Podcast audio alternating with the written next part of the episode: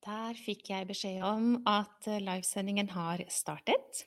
Klokken er ganske straks 19.00, og um, det er da tid for denne sending nummer tre av de tre som er lovet til deg, hvor jeg har fremdeles ganske mye på hjertet i forhold til temaet for denne workshopen.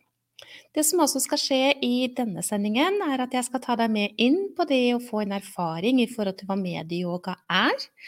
Og det vil jo være for dere som ikke kjenner til medieyoga fra før, en første liten bekjentskap. Det å få en uh, opplevelse av hva det handler om.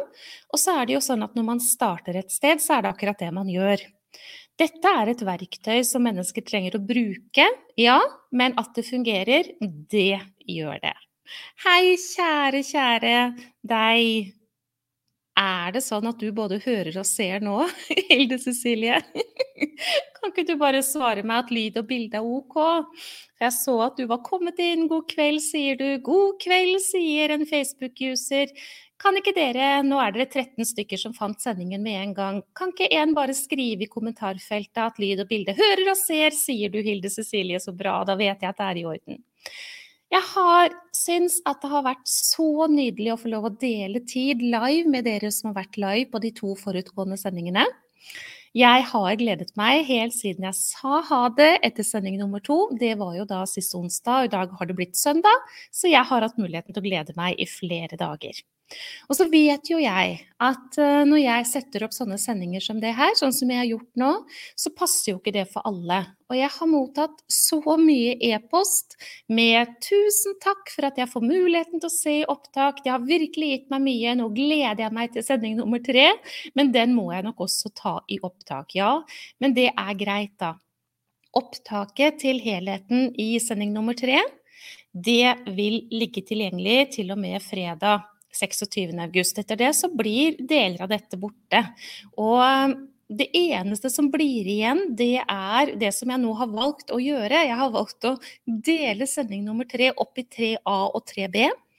Så nå er vi på 3A, og når du skal få en prøve på medieyoga, så blir det 3B. Og den sendingen kommer heller ikke til å bli liggende som opptak på podkasten. For hvis jeg skal gi bort gullet mitt helt gratis til alle som vil ha det, uten å betale for det, så kan ikke jeg hjelpe noen. Så derfor så er det en begrensning på de jeg gir bort gratis, eh, som da vil være til til og med 26. august. Og sånn må det være. Nå har du fått masse muligheter til å henge med i svingene og um, ta det med deg. Og hvis ikke du har gjort det, så er altså toget gått på et eller annet tidspunkt, og sånn må det være. Så hyggelig at du hilser på meg når du kommer inn. Jeg eh, setter veldig stor pris på en hilsen, enten du er registrert med navnet ditt på denne StreamYard, så jeg ser navnet ditt nå når sendingen er live, eller du ikke er det. Så allikevel hilser du på meg når du kommer inn, og noen av dere som eh, deler hvor dere er hen. Det er også veldig hyggelig. Og hvis jeg setter på meg brillene, så ser jeg enda litt mer. Hei, da så jeg rett på Jakob. Hei, Jakob, så hyggelig at du er med i kveld også. Hønefoss er representert, Janne Anita er inne. Vestby, hei, kjære deg, Solbergmoen. Så hyggelig. Å, så bra, Kirsti. Du har gjort praksis.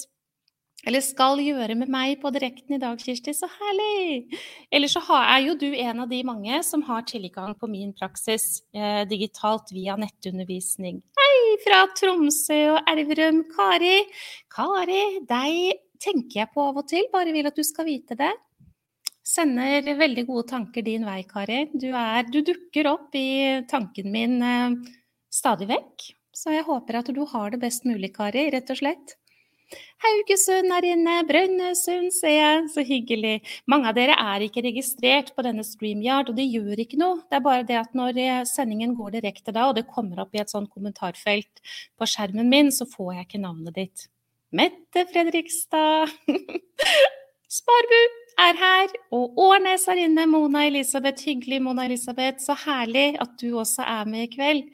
Steinkjer, Ulsteinvik, hei Tone, så hyggelig. Og jeg har gleda meg masse. Som du forstår, så har jeg nå valgt å dele denne sendingen i to. Og det er da en grunn til det, som jeg akkurat forklarte det.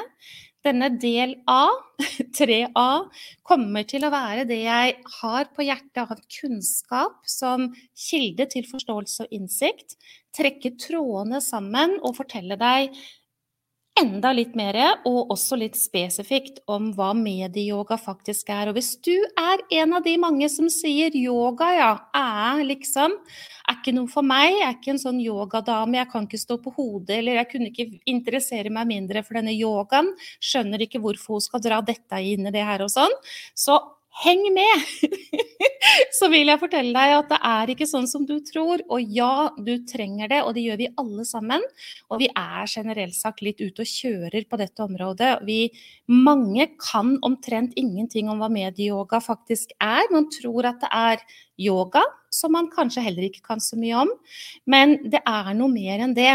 Og jeg skal fortelle deg hva medieyoga er, hvordan det fungerer, hvorfor det fungerer, og også skal du få lov til i sending 3B erfare medieyoga, hvilket jeg har lovet deg.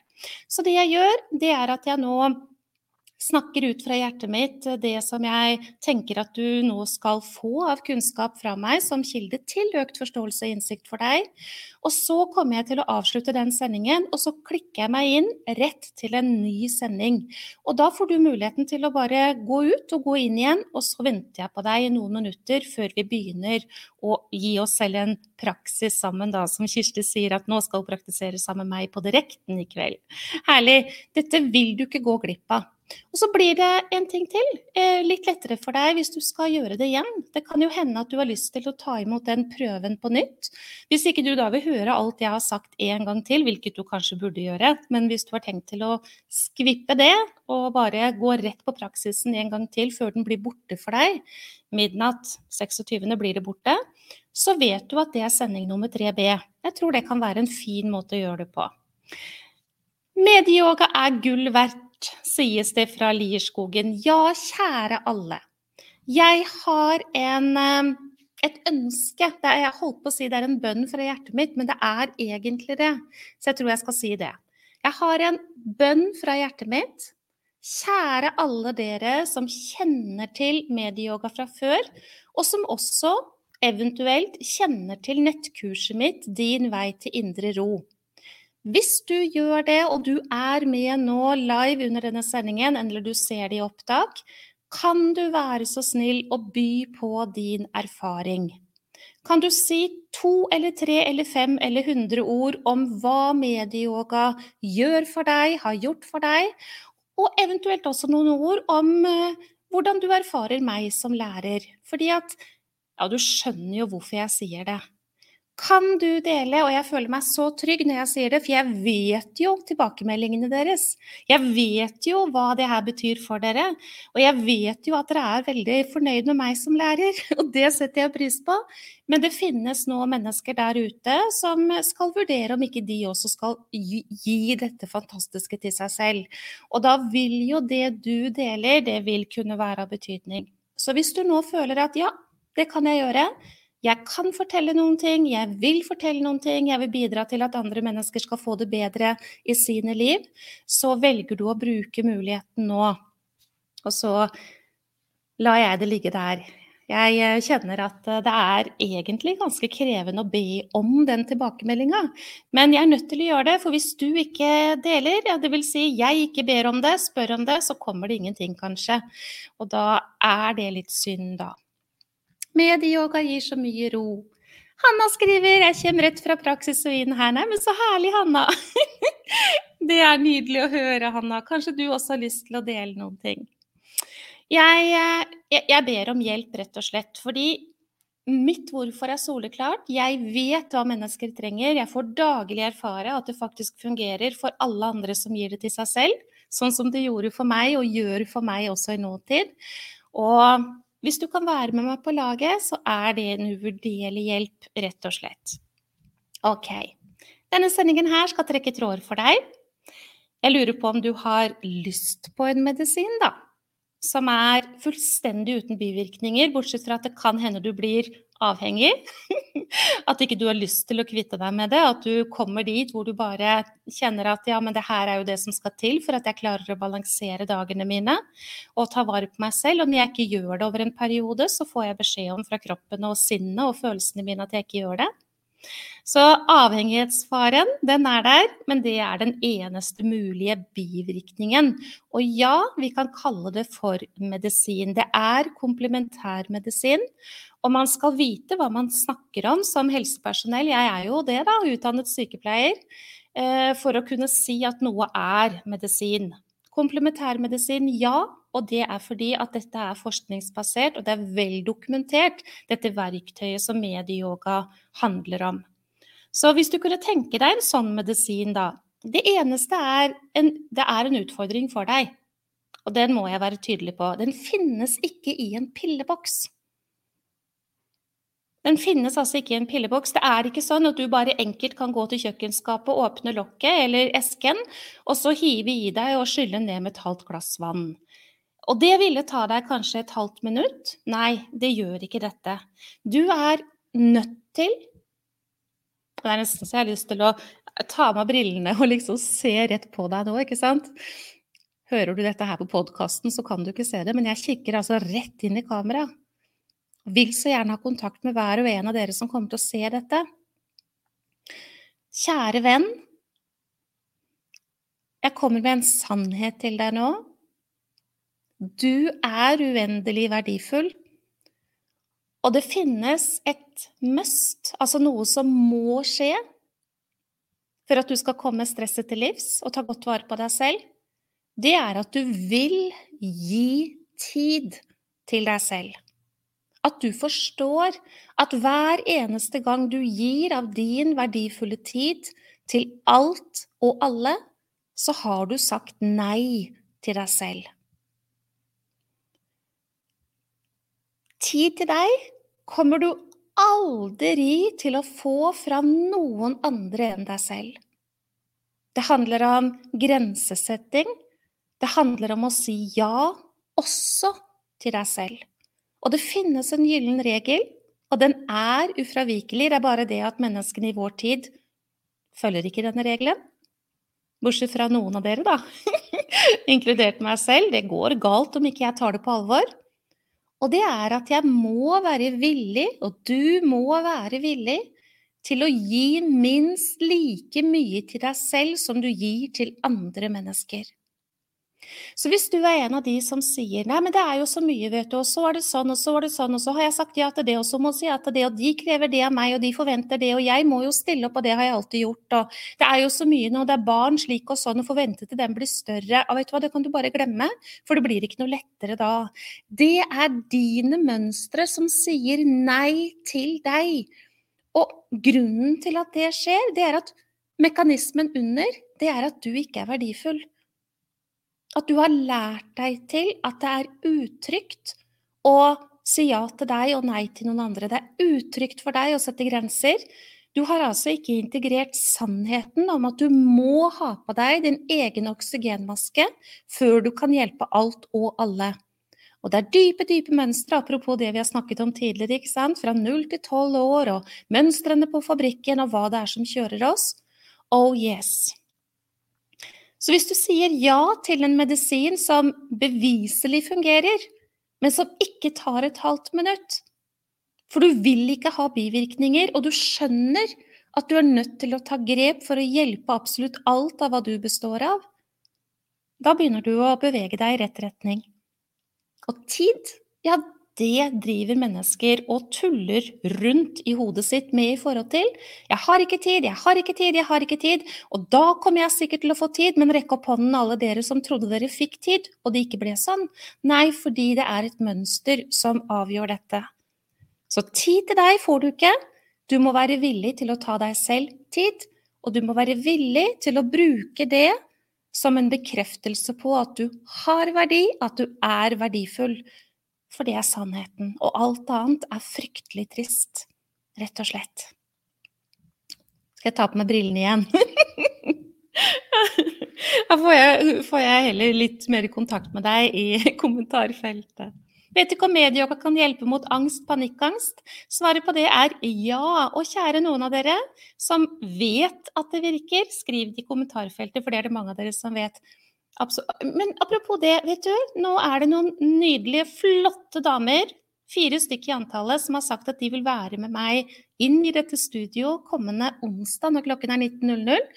Og der kan vi nok også snakke litt mer om dette med angst og panikkangst, for eh, noen der har den type erfaring. Det har jeg også, men du kan få høre hva de har å si også. Ok, har du lyst til å få gjort noe med stresset? I, kanskje mest motivert av at nå har du forstått at langvarig negativt stress er kilde til minst 85% av alle sykdommer vi har. Så hvis du er en av de som har kroniske lidelser, ikke gå rundt og tro at det er kun fysisk, vær så snill. Går du rundt med autoimmune lidelser, ikke tro at det er kun fysisk. Går du rundt med angst, ikke tro at det er kun fysisk.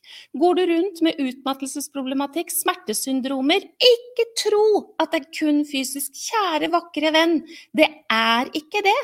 Det har kommet fra langvarig negativt stress, fordi nå har du lært ikke sant, at da er det den delen av det autonome nervesystemet som kjører på, som ikke klarer å bedrive det helsefremmende, og forebyggende, nødvendige arbeidet deg, vennen min. Ikke tro på de tankene som du helt sikkert har hatt veldig masse av til nå. Det er liksom så greit med diagnoser, for da kan jeg ikke gjøre noe med det. Det er ikke sant. Under der ligger det langvarige negative stresset, og det eneste som er greia her, det er din modell av verden. Det er hva som har kjørt på, det er belastningene du har hatt i livet ditt.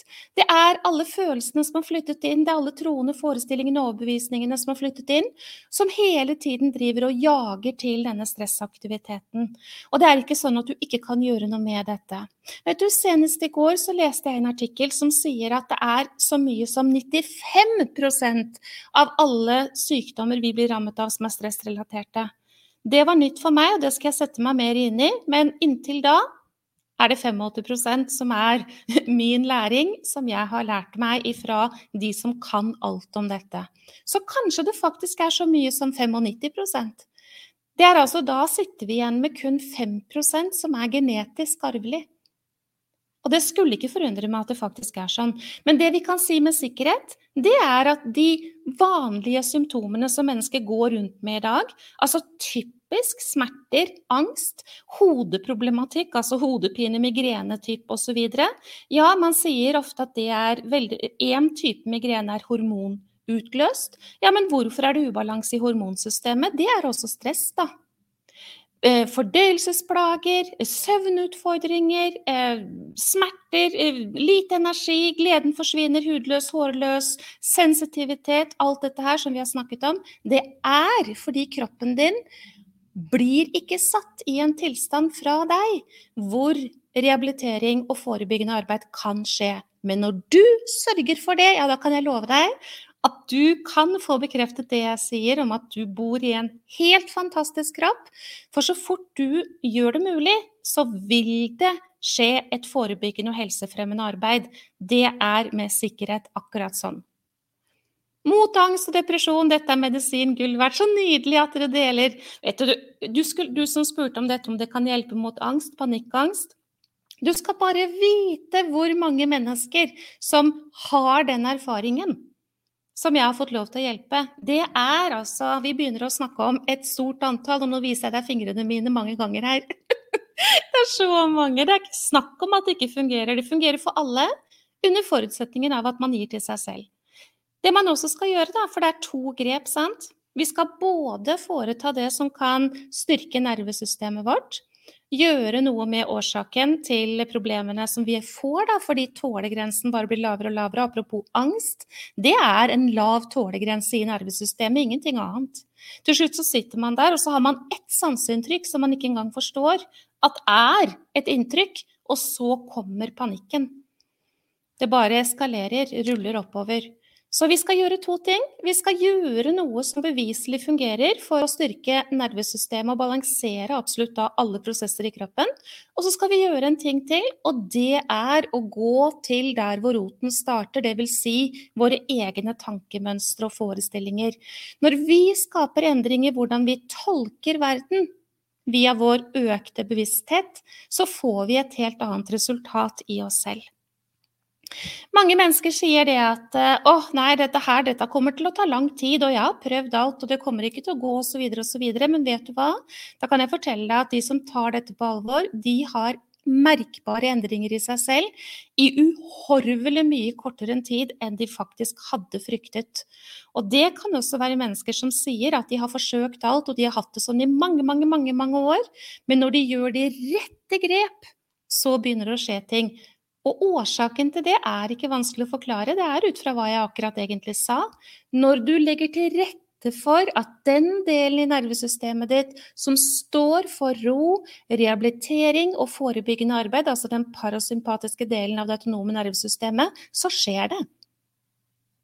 Fordi du er et menneske. Så det skjer for alle. Men de lure menneskene de gjør begge grep. De både bruker et effektivt verktøy for å få satt foten på bremsepedalen og hjelpe kroppen, og i tillegg til det så tar de imot kartet og gullnøklene for å komme til indre ro i forhold til hva som skjer i tankemønstrene. Det vil si å lære seg å bli sin egen beste venn. Det vil si å lære seg til å håndtere relasjoner på en annen måte, hvilket er en av de store stressordene våre. Ikke minst relasjonen mellom seg selv og seg selv. Det vil altså si igjen at man lærer seg til å kommunisere på en annen måte. Man lærer seg til å ikke tro automatisk på tankene. Lærer seg til å møte tankene annerledes og snu dem via et verktøy som fungerer for det. Og ikke minst lærer seg til å begynne å møte følelsene sine på en annen måte. Så man går fra å være den som faktisk bryter seg selv ned, det går mennesker rundt og gjør uten å vite om det, til å bli den som bygger seg selv opp ved at man tar roten ved det altså onde. Man går til Nå vet jo du at alt stress starter i tanken. For å kunne få til det, så må vi ha stadig økt bevissthet. Og det vet jeg. Derfor er det sånn at alle som tar imot min hjelp, de får hele tiden hjelp til den uh, delen av dette arbeidet. Altså økt forståelse, økt bevissthet. Og for å klare det må vi ha verktøy. Jeg må vise deg en ting. Den uken som eh, vi nå akkurat legger bak oss, så har det vært oppstart av kurs her, fysiske kurs, i eh, undervisningsrommet her i Halden. I det rommet jeg sitter i nå. Og der var det en dame som eh, har tatt imot undervisning i medieyoga over en periode, og hun kommer tilbake igjen. Selvfølgelig slipper hun ikke taket, jeg må jo si det. Det er jo smart. Men hun hadde med en liten gave til meg. Og den har jeg lyst til å vise deg. Det her er rett og slett en apekatt som har en smokk tilhørende. Og nå er jeg sikker på at noen av dere nå som har fulgt min undervisning eh, over en stund, dere begynner å le. Det håper jeg. Her er den ultimate gaven. En apekatt med en smokk. For vet du hva? Blant annet så snakker jeg om at alle de tankene som skaper stress, altså de begrensende negative tankene som vi går rundt og tror på, og ikke gjør noen ting med i det hele tatt, de er apekatter. Og så lærer vi oss til hvordan vi skal møte disse apekattene og begynne å trene på det. Og da snakker jeg om det som at vi skal putte sutt i munnen på apekatten. Og det er jo en strategi for dette som ikke jeg lærer bort til deg helt gratis. Men eh, det er også fullt mulig. Herlig, sier Reidun. Ja, ikke sant? Eh, og da hadde hun kommet over denne her apen med den smokken, og den måtte hun jo da kjøpe og gi til meg. Og jeg må si det er vel en av de mest fantastiske gaver jeg har fått i hele mitt liv. Det er det det handler om. Alt stress starter av en tanke. Hvis vi da går rundt og tror på de tankene som skaper stresset, så får vi jo stress, da. Fordi det er én pluss én er to. Men hvis vi lærer oss til å møte dette annerledes, håndtere på en annen måte, så får vi ikke stresset. Hva syns du om den her, Lise? Jeg så at du tegna eller fikk inn noen apekatter i kommentarfeltet nå. Det kan ikke bli bedre. Vi trenger altså gjøre noe med det som er årsaken til ubalansen. Og kroppen din, den er fantastisk. Når du sørger for den endringen, så kommer det. Hvis du ikke sørger for den endringen, så kommer det ikke. Og dette har jeg tenkt til å gi deg noen eksempler på også, når jeg nå snakker om dette. Et eksempel en nydelig dame jeg fikk snakke med bare for noen få dager siden, så hun er liksom friskt i minnet mitt nå når jeg tar opp dette eksempelet. Hun har da en lang utdanning, hun har jobbet i mange, mange år og har påtatt seg det ene vervet etter det andre og sittet i høye lederstillinger, hatt personalansvar osv. osv. Vært en skikkelig hva mennesker vil kalle superwoman. Sikkert mange som har sett opp, opp til henne barn og hus og alt dette her, og jobber hit og dit og verv hit og sånn, og meget oppegående, klok, flott dame. Ingen tvil om det. Altså, den dama er helt nydelig, og det er alle. Hun også. Og så gikk det jo som det måtte gå, da. Hun gikk rett på denne veggen, hvor hun da fikk den totale utmattelsen. Den ligner veldig på min situasjon som jeg hadde, hvilket jeg fortalte da om i sending nummer én. Og selvfølgelig blir man jo livredd, og hun har da brukt så lang tid på å hvile seg frisk, hvilket ikke har fungert så godt. Og så har hun da kommet inn under mine vinger, og nå begynner det å skje ting som er veldig positive. Plutselig nå så er det litt energi og litt sånn. Men lytt nøye nå. I alle de årene som gikk før hun fikk den berømte smellen, så har hun vært et menneske som har hatt trygghet i det å gjøre. Det å prestere, det å kontrollere, det å ha oversikt over alt, det å ikke be om hjelp, det å ikke overlate oppgaver til andre, men det å virkelig ha oversikten og ta tak og stå på og i det hele tatt. Det har vært hennes greie, og det utviklet hun i barndom. Hun har en historie i sin barndom som gjorde at hun på et visst tidspunkt tok ansvar for alt og alle, og dette bare fortsatte i hennes liv. Og så har hun nå gjennom sommeren hatt diverse innslag i livet sitt hvor hun har hatt litt mer energi, da, fordi hun, det begynner å skje positive ting med henne. Men den energien har hun brukt til det samme som hun gjorde før hun ble syk. Og nå håper jeg at jeg klarer å gjøre meg tydelig, for dette er superviktig. Hun har altså da organisert og tilrettelagt og gjort og gjort og gjort og vasket og styret og ryddet og ordnet og tatt ansvar for og i det hele tatt. Og da har hun jammen meg fått beskjed, da, eller? Plutselig her, vet du, etter å ha hatt den fine veien oppover, så måtte hun gå og legge seg igjen. Forstår du hvorfor? Det tror jeg du gjør når jeg sier det sånn. Og så sier jeg til henne, men kjære deg, du kan jo ikke få noe bedre hjelp, du kan jo ikke få noe bedre beskjed. Du kan jo ikke fortsette å gjøre de samme ting som du gjorde før du ble så syk at du ikke fungerte til noen ting. Hvis du har tenkt til å ha et liv hvor du faktisk fungerer i balanse. Og hun hadde ikke noe vanskelighet med å forstå det, men det hadde hun ikke klart å tenke på på egen hånd, fordi i henne finnes dette mønsteret på jakt etter trygghet. Og når tryggheten ligger i gjøre, gjøre, gjøre, kontrollere og perfeksjonere og ikke be om hjelp og skulle ta ansvar for alt mulig, ja, så vil jo ikke dette her kunne fungere slik hun ønsker seg det. Så nå skal den vakre damen virkelig ta på alvor det å gjøre mye mindre, det å øve på å be om hjelp, det å våge å ha tillit til at andre også kan få til, osv., osv. Og, og hun fikk selvfølgelig i den samtalen med meg det verktøyet som hun trenger å bruke for nå å møte de følelsene som kommer til å oppstå. For hun kommer til å kjenne på uro når hun ikke nå skal ta det ansvaret som hun i alle de årene hun har levd, det er ganske mange tiår, har trodd at hun måtte ha. Klarer jeg å gjøre meg forstått for deg nå? Det håper jeg. Og det her sier jeg til deg, for jeg vil du skal se. Ja, vi kan putte føttene våre på bremsepedalen med effektivt verktøy som medieyoga er, hvilket er suverent over alle verktøy som finnes. Jeg våger å påstå det. Og det kommer ikke ut av det blå. Det er ikke derfor jeg sier det. Jeg vet at det er sånn. Det må være sånn.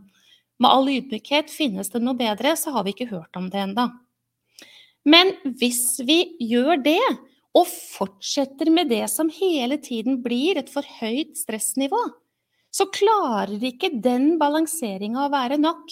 Nei, Vi er nødt til å begynne å trene på å møte følelsene våre.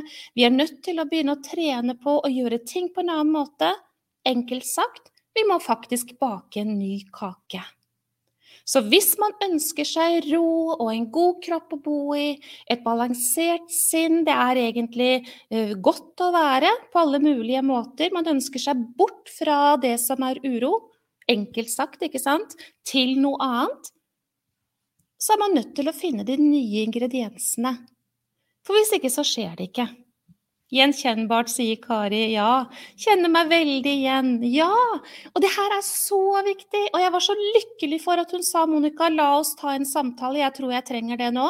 Ja, det var nydelig. Og hun har bekreftet etterpå at hun var superglad for at dette kom på plass. Så nå skal denne flotte dama trene på å gjøre mye mindre. Og hun skal faktisk begynne å delegere bort til både voksne, barn og mannen og alle sammen. Som jo har vært bortskjemte mer enn i to år i den tiden hun ikke har fungert. Så ja, vi er nødt til å ta signalene våre på alvor. Og vi er nødt til å lære oss noe på veien som gjør at vi bryter mønstrene. For hvis vi ikke gjør det, så kommer vi til kort. Og medieyoga, selv om det er den mest fantastiske antistressmedisinen som finnes, så kan ikke verken du eller jeg praktisere medieyoga hele dagen. Det har vi ikke muligheten til, noen av oss. Så vi trenger å skape den varige endringen og bake den nye kaka. Og hvis det da er kaka, altså ro kaka, er sjokoladekake, så kan vi jo ikke finne fram gulrot og hvetemel og den type ting, for da sitter vi der med gulrotkaka som vi da kanskje ikke ville ha, og som vi blir utmattet syke, får smerter og elendighet ut av. og det er det vi får. Så vi må, vi må gjøre de rette grep. Vi må ha noe som hjelper pusten på plass. Vi må ha noe som skaper sirkulasjon i muskulaturen vår. Som skaper påvirkning, så vi slipper å ha så mye smerte, ikke sant? Og som gjør også at vi får fordøyelsen vår på plass.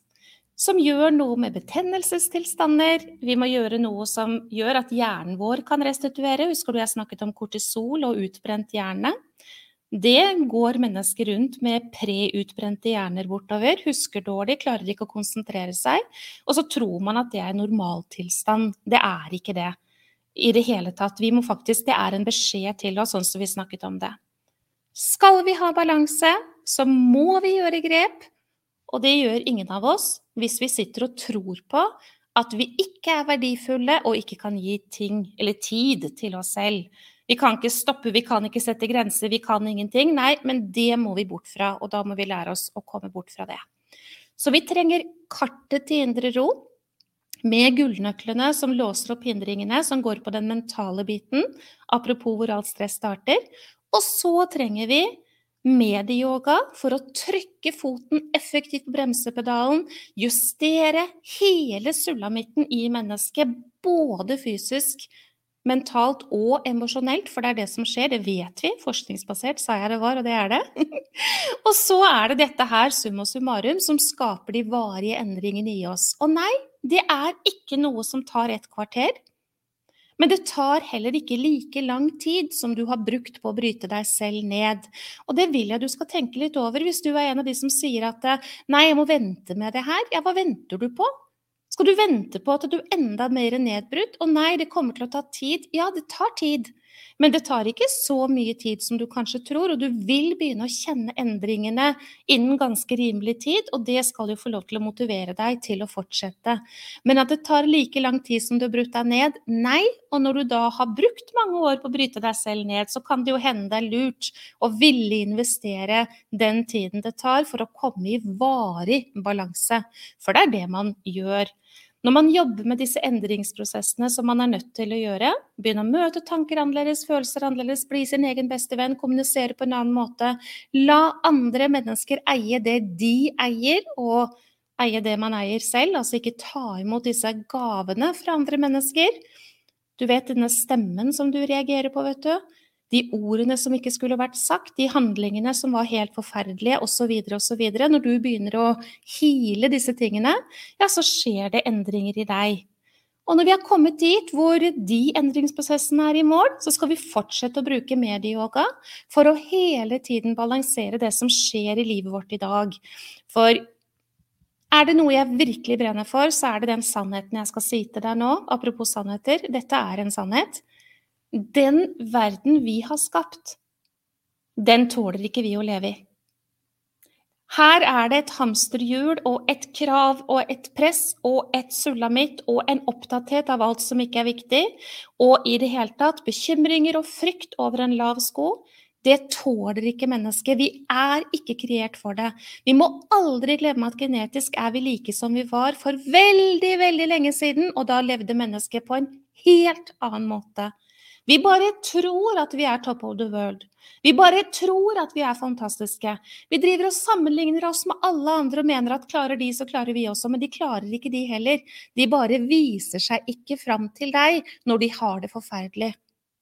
Du vet ingenting om hva som foregår i de bak lukkede gardiner eller gråten i dusjen eller den søvnløse natten med fortvilelse og angst. Du vet ingenting om det, men du sammenligner deg med det du tilsynelatende kan se, og i tillegg til det og eller har du skyhøye krav til deg selv fordi det har flyttet inn på et eller annet sted i historien. Jeg må være på denne måten. Jeg må bevise. Jeg må få til. Jeg skal klare. Jeg har lært at den som er lat, den er ikke verdt noen ting. I vår familie var det jobb det handlet om. Og måtte Gud forby, i vår familie kunne vi ikke snakke om noen ting, vi har aldri satt ord på en følelse. Ja, hvor tror du at de følelsene har blitt av? Det må vi også snakke litt mer om, for de har blitt av i kroppen til mennesket, og ikke bare det, men hele livet sitter i kroppen til mennesket. Alt hva du har erfart, husker du jeg snakket om modellen av verden og alle sanseinntrykkene? Ja, men de ligger ikke plassert i en skuff i hjernen. De ligger også i kroppene våre, og jeg har litt lyst til å gi deg noen eksempler på også det, hvordan dette henger sammen. Men før det Et sted mellom 65 og 85 000 tanker får vi servert hver dag, det har vi også snakket om. Hvor kommer de fra? De kommer ifra hva som har flyttet inn, det har vi snakket om. Og de skaper følelser. Og det er følelsene våre som styrer oss. Men følelsene våre kommer ikke ut av det blå. De kommer ut av historien, og de blir våre styrende mekanismer. Og vi er Mennesket er altså skrudd sammen på en slik måte at det er overlevelsen som trumfer. Og hvis vi skulle kjent hele dagen på alle de vonde følelsene som vi faktisk har erfart i livet vårt, så hadde vi ikke klart å overleve. Det klarer vi ikke. Så vi er genetisk trent på å ikke få kontakt med følelsene våre. Og hvor blir de av? Jo, de blir av i oss selv. Og så plutselig så raser jo denne demningen, og så går det for mange helt galt. Og hva gjør man da? Jo, da begynner man å maskere bort. Da begynner man å løpe mer, man begynner kanskje å spise mer eller ikke spise. Man begynner å kontrollere saker og ting i verden. Man driver og løper og trener, fordi at da får man adrenalin som man slipper å kjenne på. Man begynner å ta noen flere smertestillende tabletter for å slippe å kjenne på. Man begynner å kanskje drikke alkohol eller bruke andre rusmidler for å slippe å kjenne på, for vi klarer ikke å kjenne på. Men alt det der, der er jo en beskjed. Du er nødt til å begynne å gjøre noen ting for å få kjørt på søppelfyllinga med det du ikke lenger skal ha, for så å kjøre tom bil tilbake og bli ferdig med dette. Gjør du ikke det? Ja, så vil det hele tiden ligge der og styre deg. Medieyoga hjelper deg med den kjøringa til søppelfyllinga, bare så det er sagt. så hvis vi kun skal jobbe med de mentale prosessene, for å si det også, og ikke bruke et verktøy som setter foten på bremsepedalen og hjelper til med det, så er det nærmest umulig. Og det er det veldig, veldig mange som har forsøkt. Et eksempel på det kan være alle de menneskene som har kjøpt seg én eller hundre selvhjelpsbøker og skal hjelpe seg selv. Hvor mange av de har ikke fått den valutaen ut av det kjøpet? Det er ikke så rent få, for det går faktisk ikke. Og det vet også disse som skriver bøker. Jeg tror vel som oftest at det blir skrevet bøker av denne kategori for å tiltrekke seg mennesker, for å kunne hjelpe de også på annet vis. Fordi den boka du leser, den kommer ikke til å klare å skape den endringen, fordi det ligger ikke til rette for at det skal kunne gjøre det. Så da håper jeg at du forstår at det er en mekanisme som gjør det mulig, hvilket du må sørge for. Der er medieyoga best i klassen. Og at du må begynne å ta følelser og tanker på en annen måte. De to grepene der skaper den varige endringen. Så for de av dere nå som har sendt e-post til meg Og Monica, du snakker om medieyoga, jeg blir så nysgjerrig.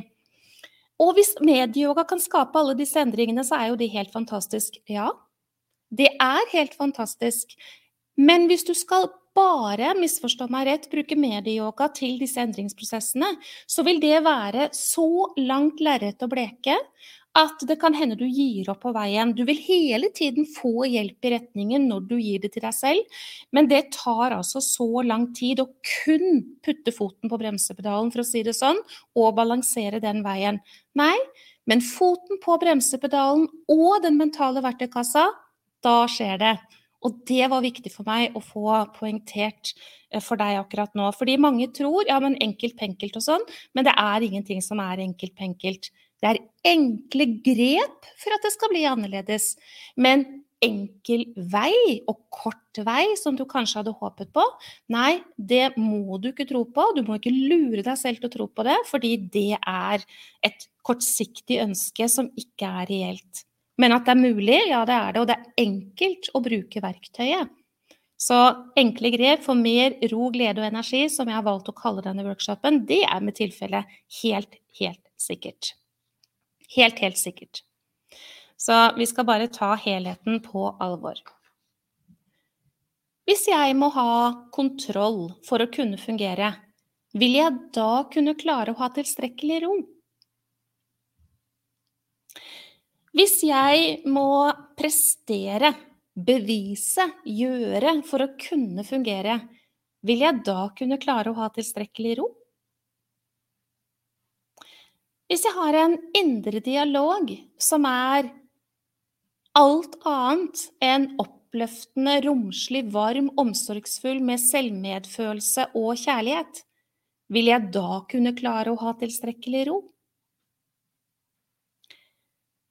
Hvis jeg tror at jeg er lat når jeg ikke gjør noe, vil jeg da kunne ha tilstrekkelig ro når jeg skal begynne å gjøre mindre?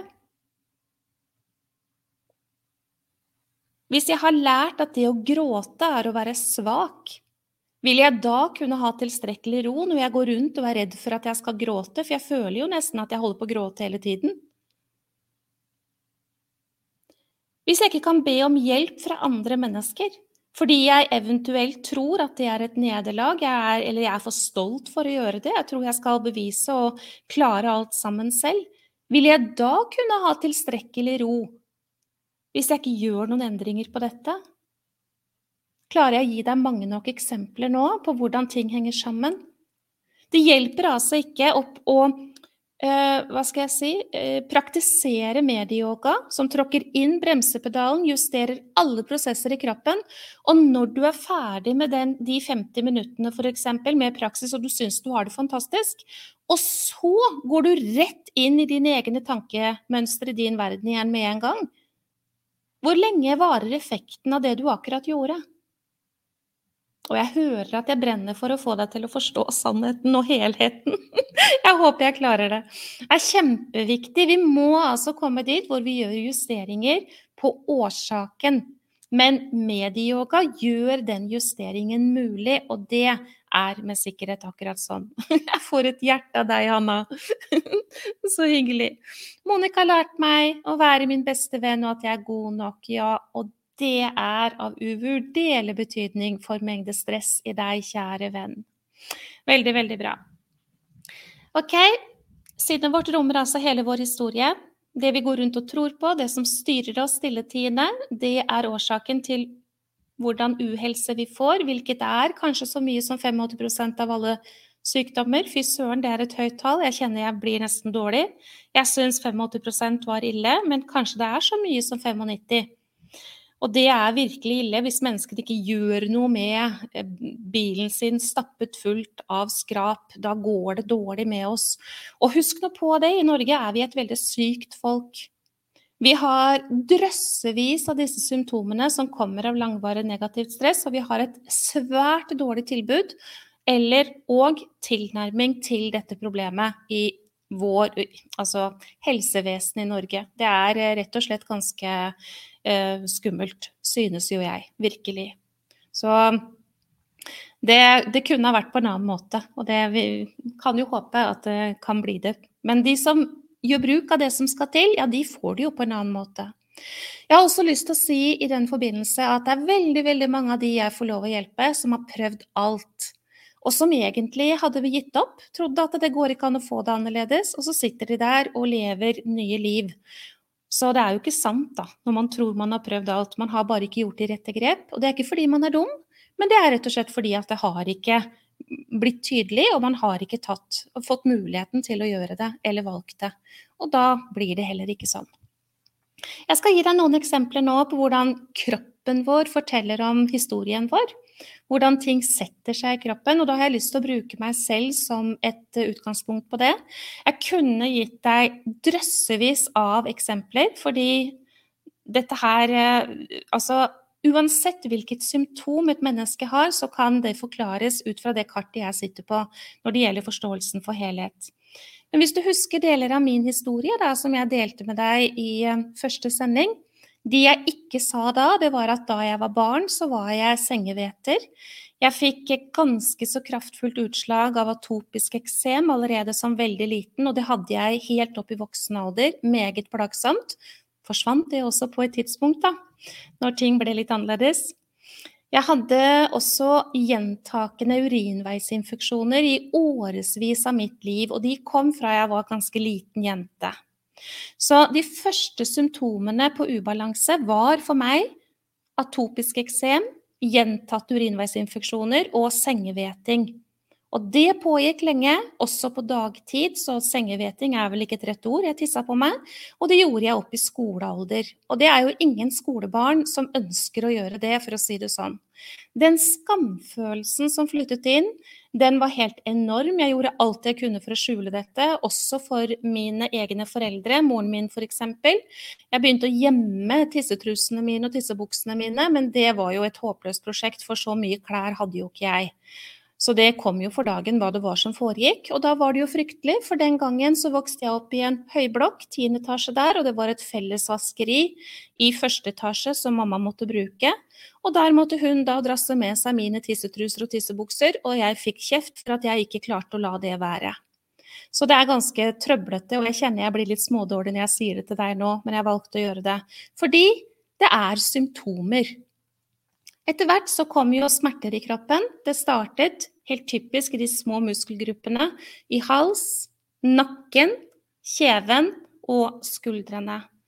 Og dette som jeg fortalte deg, det ble jo forsøkt å gjøre noe med, eh, men man gjorde jo ikke noe med årsaken. Og så utviklet det seg til mer smerte. Jeg hadde grusomme, og da vil jeg bruke det ordet, menstruasjonssmerter. Jeg fikk menstruasjon veldig, veldig tidlig. Og klarte ikke å gå på skolen i flere dager hver eneste måned. Jeg lå og vred meg i smerte. Det var også et symptom. Ingenting, ingenting som kun er fysisk. Og når det gjelder andre smerter, så flyttet det seg til å være enda større del av kroppen min, til ryggsmerter, til hoftesmerter.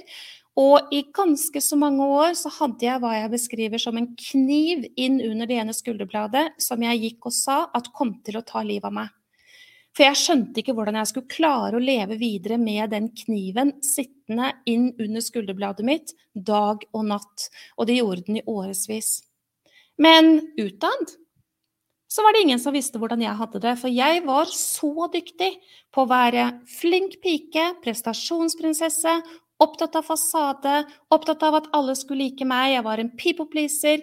Jeg var opptatt av at alle skulle si hvor flink jeg var, hvor fantastisk jeg var, og hjelpes meg hva jeg holdt på med. Den kniven inn under skulderbladet, ja, det var sorg, og det var mangel på ubetinget kjærlighet. Ubetinget kjærlighet fra Monica til Monica, og fra Monica og ut til andre mennesker. For ubetinget kjærlighet finnes ikke når man mangler tillit til at andre mennesker vil en vel. Og den tilliten, den hadde ikke jeg. Og det er basert på min historie. Det finnes ikke et eneste menneske som klarer å etablere tillit til andre mennesker fullt og helt når man har en sånn historie som det jeg har, og veldig mange med meg. Når man har opplevd svik på svik på svik og frykt på frykt på frykt og skam på skam på skam, så klarer man ikke å utvikle dette. Så kniven inn under skulderbladet, kjære venn, ja, den forsvant når jeg tok tak i årsaken til at den satt der.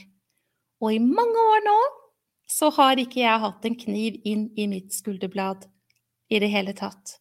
Den ble borte. Hvordan gjorde jeg det? Jo, jeg gjorde det med medieyoga, og jeg gjorde det med å aktivt jobbe med å bli min egen beste venn, jobbe meg med å akseptere hva som hadde skjedd meg. Jeg jobbet med å ha tillit til at ting skulle bli på en annen måte, og ikke minst tillit til at mennesker ikke kan by på noe de ikke har tilgang på i seg selv, og at det måtte få lov til å være ok. Og for å klare dette må man ha verktøy, kart, gullnøkler, strategier. Og det lærer jeg bort til alle som vil være med meg inn i den type læring. Jeg hadde voldsomme smerter i hoftene mine. Der satt også sorgen, og der satt alle utfordringer i relasjoner. Helt ifra barnsben av var dette vanskelig fordi jeg er oppvokst i et hjem med fyll, fest og spetakkel. Det var relasjoner rundt meg hele tiden som ikke var bra, også innad i familien, helt ned i søskenflokken, hvorpå mine søstre, som er fire og fem år eldre enn meg, de rottet seg sammen mot den lille meg, som var pest og en plage. Og i alt dette frykt, frykt, frykt, så kan man ikke etablere en god relasjon til seg selv. Så hofteproblematikk, det er aldri tilfeldig. Og ja, man kan få bevist at man har slitne hofter, men det er ikke bare det det handler om. Det handler om redsler, det handler om sorg, det handler om skam, det handler om skyld, det handler om følelser. Mm, det setter seg i hoftene våre, og sånn er det. Urinveisinfeksjon, ja, det kommer ifra samme område som har med hofter å gjøre. Den energien som ligger der, ligger også under livet. Så ja, lille Monica var full av redsel, var full av alt som selvfølgelig sørget for at hun hadde urinveisinfeksjon. Og nå må du huske på det når det kommer symptomer til uttrykk, så kan det være ulike symptomer, men hva det handler om, har alltid en forklaring. Så alle fysiske symptomer har en forklaring som er mye mer mentalt og emosjonelt enn det er fysisk betyr ikke at det ikke er fysisk, da, men det kommer til uttrykk fysisk, det som er også mentalt og emosjonelt. Den atopiske eksemen, det handler om frykt. Det handler om den delen av energikroppen vår som eh, handler om lav selvfølelse og økt frykt mangel på indre trygghet. Og så kunne du ha spurt meg i forhold til den og den og den og den og den type lidelse, og så kunne jeg ha svart og svart og svart og svart. Og så kunne jeg fortalt deg hva det er du skal gjøre, hvordan du skal håndtere dette. Men det lærer jeg også bort til mennesker som vil være med meg og skape endringer i seg selv. Når jeg fikk beskjed om, eh, da jeg var komplett utmattet Jeg tror jeg har nevnt det før, jeg vil bare så vidt si det litt nå også med smerter. Jeg hadde angst. Jeg var så dårlig. Det var ingenting som fungerte i kroppen min, og da fikk jeg beskjed om at jeg skulle gå hjem og hvile. I den tilstanden der er det ikke mulig å hvile. Det går ikke an å få den hvilen som er restituerende i den tilstanden, fordi kroppen slår ikke av. Hvorfor ikke det? Jo, det tror jeg du har forstått. Jeg var livredd. Jeg var alenemor til fem barn, det er jo en ekstrem situasjon, det trenger jo ikke å være så ille. Men bekymret for framtiden, absolutt. Altså hvordan skulle dette gå? Jeg måtte da kunne komme meg på jobb. Og ikke bare det, men jeg hadde en stor identitet i å gjøre. Og når jeg lå der og skulle hvile, så fikk jeg jo ikke gjøre. Det gikk jo på halv tolv, ikke sant, både med husarbeid og alt mulig. Jeg fikk jo ikke gjort noen ting. Og når ungene skulle hjelpe til, så er det jo begrenset hva barn klarer å gjøre. Jeg vet ikke om du kjenner deg igjen i at det blir ikke bra nok? At man har lyst til å gå etter og gjøre på nytt når noen andre har gjort noen ting. Så ligger man der og ikke får til noen ting, og så skal man forholde seg til dette. Det er ganske tragisk. Er ingen hvile i det som eksempler på det. Det finnes ingen pille som kan skape endringen. Pillene det er bare et plaster. Når det ikke er noe virkning av de pillene lenger, så har vi samme bøtteballetten tilbake. Det er ikke der hjelpa finnes. Og vi er et pillespisende folk. Vi elsker piller. Nå generaliserer jeg jo veldig. Og vi er også plassert i et samfunn hvor det tjenes veldig mye penger på piller. Og man kan jo lure på av og til om helsevesenet er betalt av farmasøytene eh, og disse som produserer piller. For eh, det er utrolig med pillebruk også feil i dette samfunnet. Men hvis vi tar piller, vet du, og vi slipper å kjenne på, så kan vi jo fortsette sånn som vi alltid har gjort. Og da er vi kanskje effektive, og vi kanskje fortsetter å løpe, og vi kanskje slipper å møte både ditt og datt fordi det er behagelig for oss å fortsette å gjøre som vi alltid har gjort. Men det vil jo aldri fungere.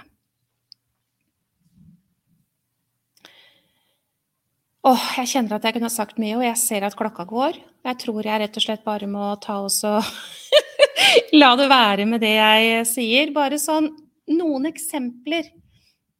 Et menneske med angst som bruker medieyoga og kartet til indre ro, altså begge deler, de vil komme seg ut av angsten. Jeg har egentlig ikke lov til å si at det er sånn. Fordi det er eh, Man har med komplementærmedisin fått munnkurv. Men jeg har så mye erfaring fra at det er sånn, så angstlignende tilstand, hvis jeg kan bruke det ordet, da, med disse symptomene som angst er, det endrer seg når man lager vilkårene for endring, og man gir det til seg selv. Gjør man ikke det, så vil ikke angsten slippe.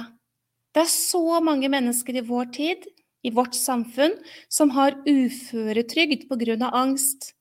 Og det er for meg Det er nesten så jeg begynner å gråte når jeg tenker på det. For det er helt forferdelig. Hva var angst igjen? Jo, det er et nervesystem som har en veldig lav tålegrense.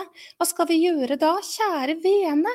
Vi skal styrke nervesystemet, og vi skal ta bort belastningen. Høres ikke det rimelig ut? jo, det gjør det. Og sannheten er at det går an. Depresjon er et annet eksempel. Uten å gjøre noen ting for at denne depresjonen skal kunne bli annerledes, så skjer det ikke. Og i dag så behandler vi det med antidepressiva. Eh, som oftest så funker det egentlig ikke så bra, fordi man flater ut, får ikke kontakt med, man maskerer. Man gjør ingenting med årsaken til at belastningen var så stor at disse symptomene faktisk kom. For det er der det må skje noen ting. Høres ikke det veldig rimelig ut når jeg sier det sånn? det litt, så blir det ikke litt sånn klart for deg når jeg sier at hvis ikke vi gjør noe med årsaken, så skjer det ikke. Men vi gjør ikke det altså jevnt over i dag. Det er veldig, veldig dårlig med det. Smerter i nakke og skuldre, som jo som oftest også gir andre plager, hodepine, og det gir andre plager på sikt, eh, mer smerte både hit og dit. Men hvis man ikke gjør noe med det som sitter der, altså hva som er årsaken, livet, da, det som eh, man går og tror på, det man holder på med, så vil de jo ikke endre seg. Og til slutt så blir det hva vi kaller for kronisk. Og da går jo vi rundt og tror at da kan jeg ikke få det på en annen måte. Og da sitter vi igjen med en slags sannhet om at ja, men sånn har det blitt å være meg. Jeg kan ikke få det annerledes, jeg har alltid hatt det sånn, jeg. Ja. uff a meg, når det har vært sånn i så mange år, så jeg får bare holde, holde ut, da. Det er helt feil, rett og slett. Men uten et verktøy som fungerer, så blir det ikke annerledes. Så dette med og uten, det er altså så det er så svært i avstand at kan, jeg kan ikke vise deg det egentlig. Jeg bare prøver sånn her, med armene mine ut til hver side. Søvnutfordringer. Det er ikke et eneste menneske som klarer å reparere sine søvnutfordringer med piller. Og gud vet, altså. Jeg skulle nesten ha vært inne og sjekka statistikken på det hvor mye piller som brukes til søvnutfordringer, istedenfor å gjøre noe med muligheten for at kroppen skal kunne sovne. Det gjør vi ikke. Nei da. Vi ligger der med bekymringene våre, og så tar vi en pille, og så lukker vi øynene og håper at vi skal få sove. Eller vi våkner 100 ganger om natta og fortsetter å tenke på den samme greia som vi hadde før vi la oss, men slokna kanskje av utmattelse. Eller vi våkner om morgenen og ikke er restituert i det hele tatt. Alt dette er like gærent. Vet du hva, jeg kan love deg at hvis du er med meg inn i det jeg vil at du skal velge, så behøver ikke søvnutfordringer å være noe problem for deg i det hele tatt. Og det vet flere av dere her inne. Rekk opp hånda. det er Altså, vet du hva, vi kan gjøre noe med det her, men på legekontorene har de ikke kontakt med det.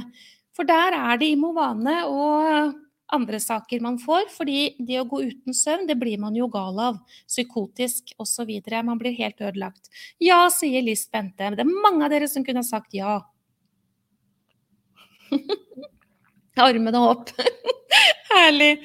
Så denne fortvilelsen som er utenfor disse veggene, den kjenner jeg på innimellom når jeg tar det inn. For det er ikke tilfellet at mennesker må gå rundt med smerter og betennelser og eh, panikk og angst og søvnproblematikk og i det hele tatt. Det er ikke sant. Men det som skjer på et legekontor, det eh, er ikke det som skal til. Det har min fastlege også faktisk erfart. eh, ikke på, altså, har sagt til meg da at vet du, Monica, det som faktisk hjelper, det er jo det du driver med. Har min fastlege sagt til meg. Ja, da holdt jeg på å begynne å grine når det ble sagt, men det er jo sannheten. Hva skal vi gjøre? Vi skal gjøre to ting. Vi skal praktisere medieyoga.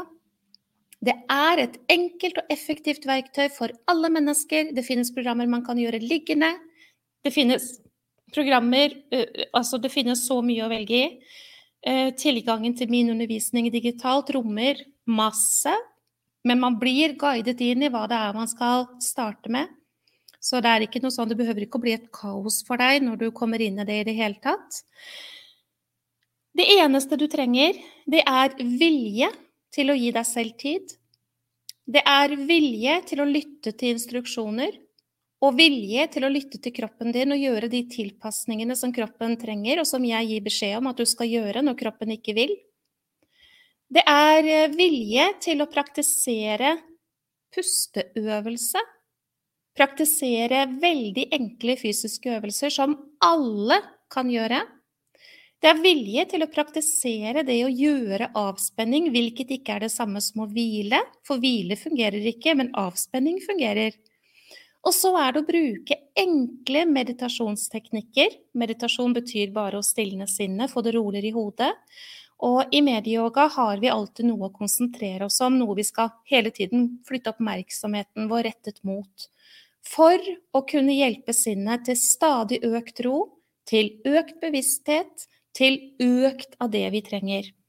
Og praksisen rommer alle deler. Vi kan ikke shoppe, vi kan ikke gjøre bare litt. Derfor er det ikke sånn at det å gjøre kun pusteøvelser kommer til å gjøre susen. Nei, pusteøvelser er en del av pakka, men vi må ha med oss resten. Og det handler da alltid om det samme. Pust, helsefremmende pust, det handler om enkle fysiske øvelser, det handler om avspenning, og det handler om meditasjonsteknikker. Teknikker for å få det roligere i hodet, for å øke konsentrasjon, hukommelse osv. Og alt dette summa summarum, ja, det øker også bevisstheten vår, som gjør at dette kartet til indre ro med disse endringsprosessene som må til, ja, det blir mye enklere å få til, og kanskje også som en muliggjører. For uten at vi tilrettelegger for å jobbe med det, så tror jeg det nærmest er umulig, for disse mønstrene våre, de er så dype i oss. Jeg ser til min store glede at dere deler i kommentarfeltet, og jeg gjør bare sånn og håper at alle dere som ikke vet hva jeg snakker om, leser og tar imot hvis dere ikke stoler på meg. For noen kan jo tro at jeg har en agenda. Den eneste agendaen jeg har, det er at du kan ha det godt i ditt liv. Hver eneste dag snakker jeg med mennesker som bekrefter det, at de får det annerledes. Så jeg klarer ikke å la være å formidle. For jeg mener jo at du er viktig. Mennesket er viktig. Og jeg har det også bedre når du har det bedre. Vi er en del av en helhet. Jo flere av oss som kan finne ro, jo flere av oss som holder fokus på det viktige, jo flere av oss som balanserer oss, jo flere av oss som finner veien til hjertet vårt istedenfor å være oppi kaoset her, jo bedre blir det å være. Og det syns jeg er litt nydelig å tenke på innimellom. Ja, yoga nidra, sier Hilde Cecilie. Og da, vet du, Hilde Cecilie, spesifikt i forhold til dette med søvn. Yoga nidra betyr yogisk søvn, for dere som ikke kjenner til det. Det eneste du trenger for å være med på praksis, som vi nå ganske straks går inn i, det er at du vil. At du kan få lov å være litt i fred, så hvis ikke du kan det nå, så syns jeg du skal ta 3B på et annet tidspunkt, rett og slett. Jeg kommer til å instruere deg i å lukke øynene dine. Jeg håper at du kan velge det, fordi du trenger bare å lytte. Du trenger å lytte til hva jeg sier, og så trenger du bare å overlate deg til at det blir som det blir, ingenting annet. Og hvis du har muligheten til å organisere deg nå på en slik måte at du kan få lagt deg ned når du blir guidet inn i pusteøvelse og inn i en avspenning, så er det en fordel for deg, men det er ikke noe krav. Har du muligheten til å være litt i fred nå, ca. en halvtime framover, og også i mulighet for å legge deg ned, men samtidig høre meg, så vil det være det absolutt beste. Vi skal praktisere, men da velger jeg å gjøre som jeg sa innledningsvis. Jeg går ut av denne sendingen, jeg avslutter den, og så går jeg inn igjen med en sending til, som da heter 3B. og da kommer vi til å praktisere sammen, du og jeg. Og du kommer til å se meg, jeg sitter akkurat på denne måten, og jeg kommer til, når jeg tar deg med inn i det, å lukke øynene mine og være bak dem sammen med deg.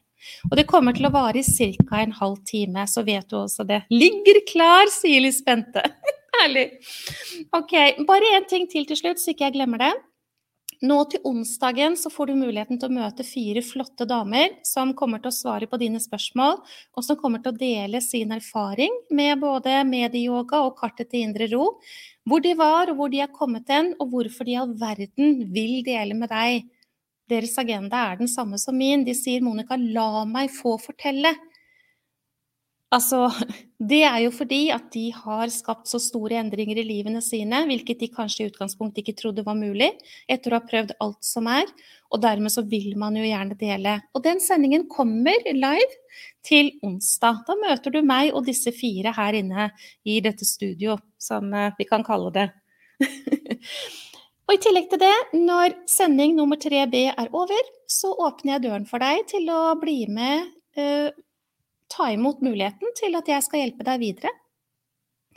Den døren er kun åpen til midnatt 26., altså fredag om nå til fredagen som kommer. Da stenger jeg døren. Da er det ikke lenger mulig. Så etter 3B åpner jeg døren. Jeg vil fortelle deg hvordan jeg kan hjelpe deg, hva er det er jeg anbefaler deg at du gjør, hvordan du kan få hjelp av meg videre, hvilket flere har sendt e-post og spurt 'Jeg må ha hjelp, jeg vil at du skal hjelpe meg, hvordan skal dette skje?'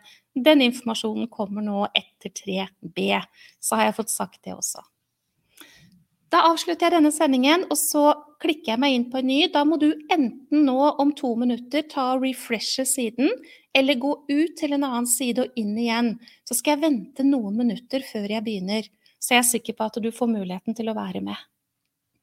Ha det så lenge.